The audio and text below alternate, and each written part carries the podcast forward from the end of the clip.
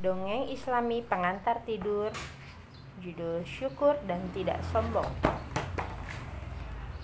Kalung milik kucing. Di dalam sebuah rumah milik seorang yang kaya raya Ada seekor kucing yang sangat disayang karena kecantikan dan keindahan bulunya. Sejak kecil, kucing itu selalu dipelihara oleh pemilik rumah. Selain karena kecantikan dan keindahan bulunya, Kucing berbulu putih itu juga patuh pada majikannya. Oleh sebab itu, pemilik rumah sangat menyayangi dan memperhatikannya. Ia berusaha membuat kucing itu nyaman tinggal di sana. Suatu hari, pemilik rumah memberi hadiah kucing itu sebuah kalung dengan liontin yang bersuara nyaring. Setiap kali kucing itu berlari, liontin itu ikut bergerak dan mengeluarkan bunyi yang nyaring. Kring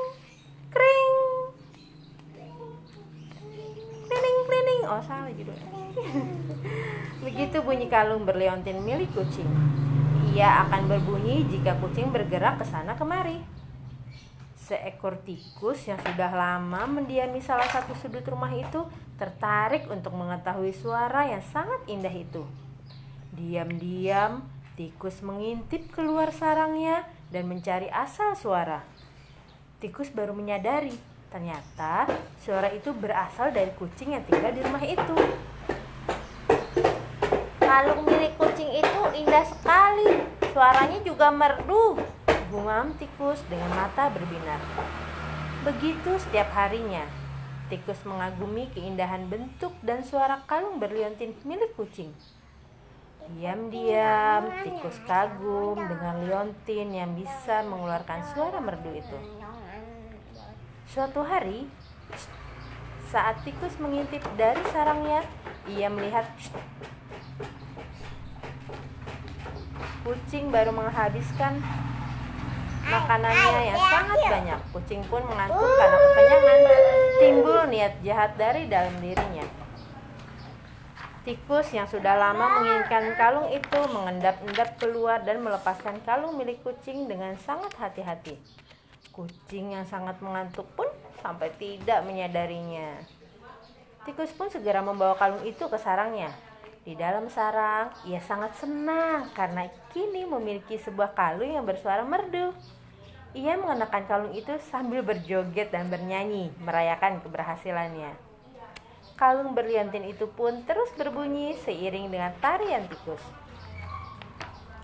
Kalung berliontin itu terus berbunyi, namun ternyata kucing sedang tidur nyenyak tanpa kalung di lehernya.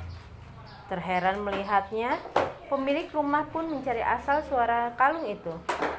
Langkahnya terkejut melemil, langkahnya langkah terkejut, alangkah terkejutnya pemilik rumah saat melihat dari lubang kecil ternyata ada seekor tikus tengah menari-nari di dalamnya. Segera dicarinya sebuah alat untuk membongkar sarang tikus yang telah merusak salah satu bagian rumahnya itu.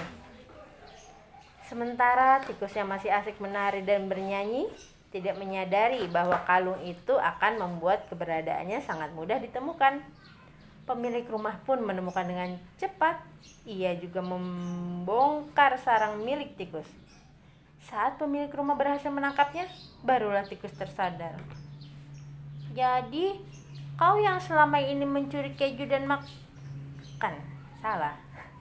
Jadi, kau yang selama ini mencuri keju dan makanan yang ada di rumahku.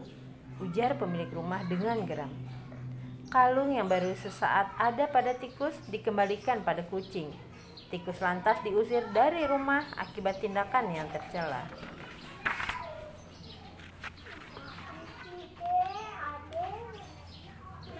Selesai. Pesan ceritanya, mencuri adalah tindakan yang sangat tercela dan tidak patut ditiru. Selain merugikan orang lain, mencuri juga merugikan diri sendiri. Bersyukurlah dengan segala sesuatu yang kita miliki. Jika kita merasa cukup, tidak akan ada keinginan untuk mencuri milik orang lain.